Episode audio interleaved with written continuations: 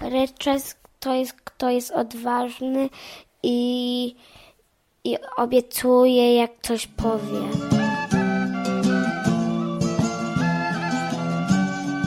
Witam Was w 61. odcinku podcastu Historia Polski dla dzieci oraz według dzieci. W poprzednim odcinku, czyli odcinku o numerze 60, mówiliśmy o Karolu Wielkim. Był to król albo nawet cesarz i miał on wielu rycerzy. Jednym z najsłynniejszych rycerzy był siostrzeniec tego króla, czyli hrabia Roland. Osłaniał on odwrót wojsk Karola Wielkiego i zginął w walce. Napisano o nim pieśń o Rolandzie, którą czytali wszyscy w całej Europie. Wszyscy w tamtych czasach podziwiali rycerzy. My dzisiaj jednak będziemy mówić o polskim rycerzu, który zginął w bardzo podobny sposób. Najpierw jednak powiedzmy sobie, jakie cechy musiał mieć prawdziwy rycerz. Rycerz musiał być silny, aby unieść zbroję oraz swoją broń, musiał być bardzo odważny, musiał być wierny danemu słowu, zawsze walczył sprawiedliwie. Rycerze też byli bardzo uprzejmi wobec kobiet. Jak osoba otwiera, jak mężczyzna otwiera drzwi dla kobiety, to znaczy, że jest rycerskim. Czy wszyscy rycerze byli tacy? Niestety nie, byli też rycerze rabusie, którzy zamiast pomagać ludziom napadali. Jednak prawdziwy rycerz powinien właśnie mieć takie cechy. Powinien być silny, odważny, sprawiedliwy, dotrzymywać słowa i być uprzejmy wobec kobiet. A jak byli ubrani rycerze i jaką mieli broń? Rycerze pojawili się w średniowieczu i byli to żołnierze cali ubrani w zbroję. Siedzieli na koniach, które często też miały zbroję. Taki rycerz wyglądał trochę jak człowiek schowany w robocie. Jakby był takim metalowym robotem. A jaką broń mieli rycerze? Mieli oni miecz, mieli włócznię, taką długą dzidę, którą się nazywało kopią, topór oraz sztylet, który nazywano miserykordią.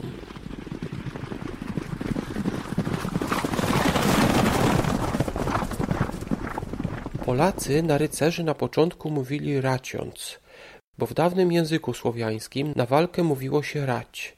Od tej starej nazwy pochodzi na przykład nazwa miasta Raciąż. Później jednak Polacy przejęli nazwę rycerzy od Niemców. Niemcy na rycerza mówili Ritter. Po niemiecku Ritter oznacza jeźdźca, a samo to słowo pochodzi od łacińskiego słowa ride, czyli jazda. Zobaczcie, z tego słowa wynika, że rycerz to był żołnierz na koniu, żołnierz, który był jeźdźcem. Czyli słowo rycerz powstało od słowa jeździec. Tak samo zresztą jest po francusku. Po francusku na rycerzy mówi się chevalier, a po hiszpańsku mówi się caballero. I te słowa też oznaczają jeźdźca. Tak więc po niemiecku Ritter, po francusku Chevalier, a po hiszpańsku Caballero, te słowa, które oznaczają jeźdźca, używano właśnie do tego, żeby mówić o rycerzach, czyli mówić o żołnierzach uzbrojonych w zbroje, którzy bardzo często walczyli na koniach. Chociaż rycerze walczyli głównie konno, czasami musieli jednak walczyć pieszo.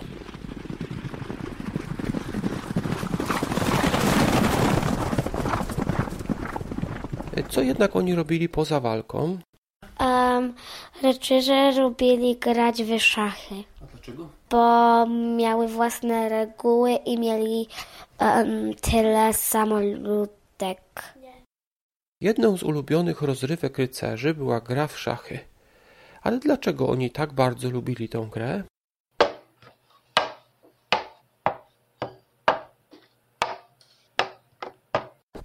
Um, rycerze lubili grać w szachy, dlatego że w tej grze nie można oszukiwać. No i są też reguły, no i jest wszystko porówno. No, ludziki na początku są porówno. No, no i to było potrzebne, kiedy mieli takie walki, bo nie można tam oszukiwać. Rycerze lubili uczciwą walkę. Na przykład, gdy rycerz walczył mieczem, a jego przeciwnikowi miecz się złamał, to rycerz dawał przeciwnikowi swój zapasowy miecz, aby walka była uczciwa. Rycerze nie chcieli wygrać w nieuczciwej walce. Właśnie dlatego rycerze bardzo lubili szachy. W szachach każdy ma tyle samo pionków i nie można zrobić czegoś w ukryciu. Walka na szachownicy jest uczciwa i rycerska, dlatego oni właśnie to lubili. We Francji najsłynniejszym rycerzem był hrabia Roland, o którym napisano właśnie pieśń o Rolandzie. W Polsce jednak najsłynniejszym rycerzem był Zawisza Czarny. Em, Zawiszy Czarny był takim znanym rycerzem, że jak miał ucztę, to, za, to nawet królowie przyszli, to nie jeden, ale trzy. Zawisza Czarny osobiście znał wielu królów. Pomagał królowi Węgier Zygmuntowi Luksemburskiemu w walce z Turkami. W tamtych czasach Turcja zagrażała całej Europie. Nie tylko Węgrom, ale także Polsce, a także innym krajom. Na przykład w 1453 roku Turcy zdobyli Konstantynopol i w ten sposób upadło Cesarstwo Bizantyjskie. Turcy mają Konstantynopol do dzisiaj, dzisiaj nazywa się on Stambuł. Turcy byli w tamtych czasach potęgą i tylko wspólnym wysiłkiem można było ich pokonać. Tak więc chociaż Zawisza Czarny był Polakiem, pomagał królowi Węgier w walce z Turkami. Gdy jednak usłyszał o wojnie Polski z zakonem krzyżackim, od razu przyjechał do Polski i brał udział w bitwie pod Grunwaldem. Bitwa ta miała miejsce w 1410 roku i niedługo nagramy osobny odcinek poświęcony właśnie tej bitwie. Niektórzy mówią, że to właśnie Zawisza Czarny uratował królewski sztandar podczas bitwy pod Grunwaldem. Jakby nie było, Polacy zwyciężyli wtedy krzyżaków. Zawisza wiedział jednak, że największym zagrożeniem dla Polski, dla Węgier, dla Konstantynopola i, i dla wszystkich innych krajów w Europie jest właśnie Turcja. Ale król Polski, Władysław Jagiełło i król Węgier, Zygmunt Luksemburski, nie lubili się. Co zrobił Zawisza Czarny? Zawisza pogodził króla Polski i króla Węgier. Zawisza Czarny był świetnym negocjatorem oraz dyplomatą. Co to oznacza? Oznacza to, że umiał pogodzić ludzi, którzy się pokłócili. I właśnie Zawisza Czarny doprowadził do zawarcia pokoju pomiędzy Zygmuntem Luksemburskim oraz Władysławem Jagiełłą. Zawisza był tak dobry w negocjowaniu, w zawieraniu pokoju, że Władysław Jagiełło wysłał go w 1414 roku na sobór w Konstancji jako jednego z polskich posłów. Czym się zajmował sobór? Sobór w Konstancji był czymś w rodzaju dzisiejszej Organizacji Narodów Zjednoczonych. Organizacja Narodów Zjednoczonych to w skrócie ONZ. Dzisiaj, kiedy jakieś kraje się pokłócą, to jadą właśnie do ONZ i tam dyskutują, kto miał rację. W XV wieku czymś takim był właśnie sobór. Dyskutowano tam wiele rzeczy, ale jedną z nich była wojna Polski z zakonem krzyżackim. Krzyżacy przegrali tę wojnę, ale w całej Europie opowiadali kłamstwa o Polakach. Zawisza Czarny pojechał na sobór w Konstancji i udowodnił, że te kłamstwa nie były prawdziwe. W 1415 roku wraz z Zygmuntem Luksemburskim podróżował po całej Europie, między innymi był w Aragonii w Hiszpanii i tam wygrał turniej rycerski, czyli pokonał wszystkich rycerzy. Gdy w 1424 roku Władysław Jagiełło ożenił się po raz czwarty, na koronację jego żony przyjechało wiele osób do Krakowa. I właśnie wtedy Zawisza Czarny zaprosił na ucztę trzech królów – króla Polski Władysława Jagiełłę, oczywiście z jego żoną, króla Węgier Zygmunta Luksemburskiego oraz króla Danii Eryka Pomorskiego. Oprócz tych trzech królów na ucztę do Zawiszy przyszło jeszcze wielu książąt oraz innych dostojników. W 1428 roku Zawisza ponownie pomagał królowi Węgier w walce z Turkami.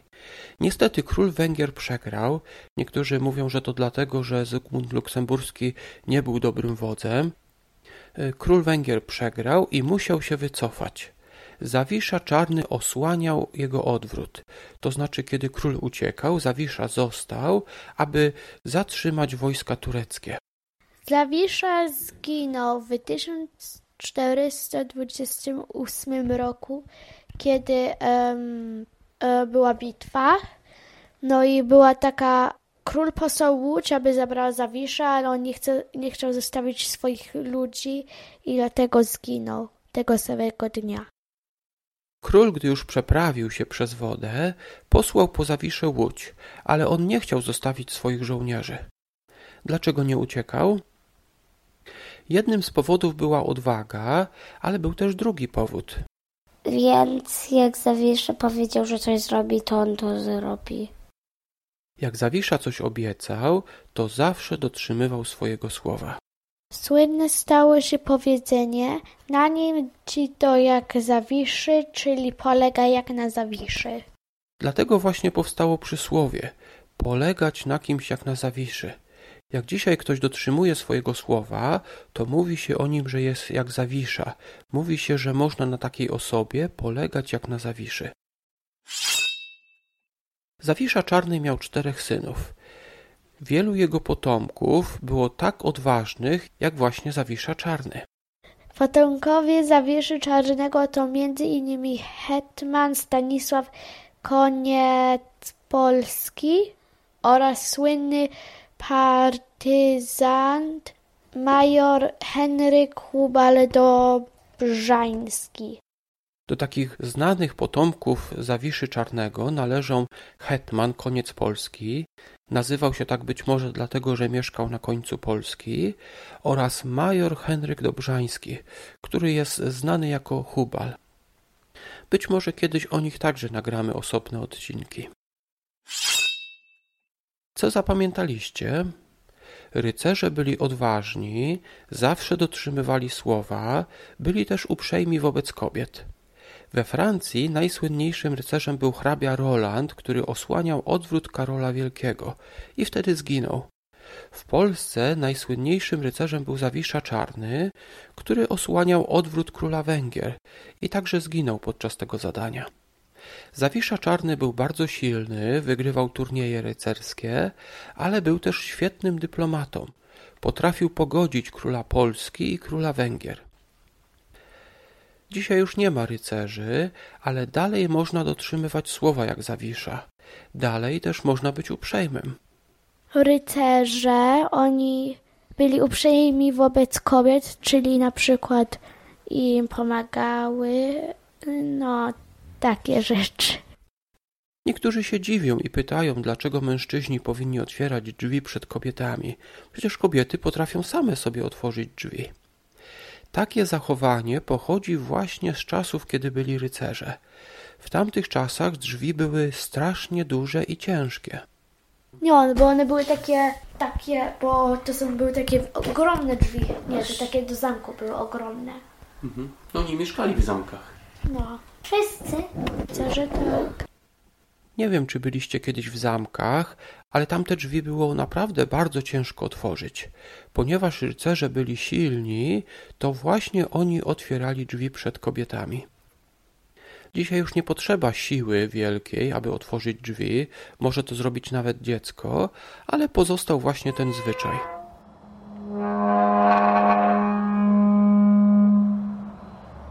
Pomysł na ten odcinek podsunęła nam pani Bernadetta, której bardzo dziękujemy za miłe słowa oraz podpowiedź tego tematu. To był 61. odcinek podcastu Historia według dzieci. Ja zapraszam Was oczywiście na naszą stronę oraz do grupy na Facebooku. Linki będą w notatkach. Dziękuję Wam za wysłuchanie do końca i do usłyszenia w następnym odcinku.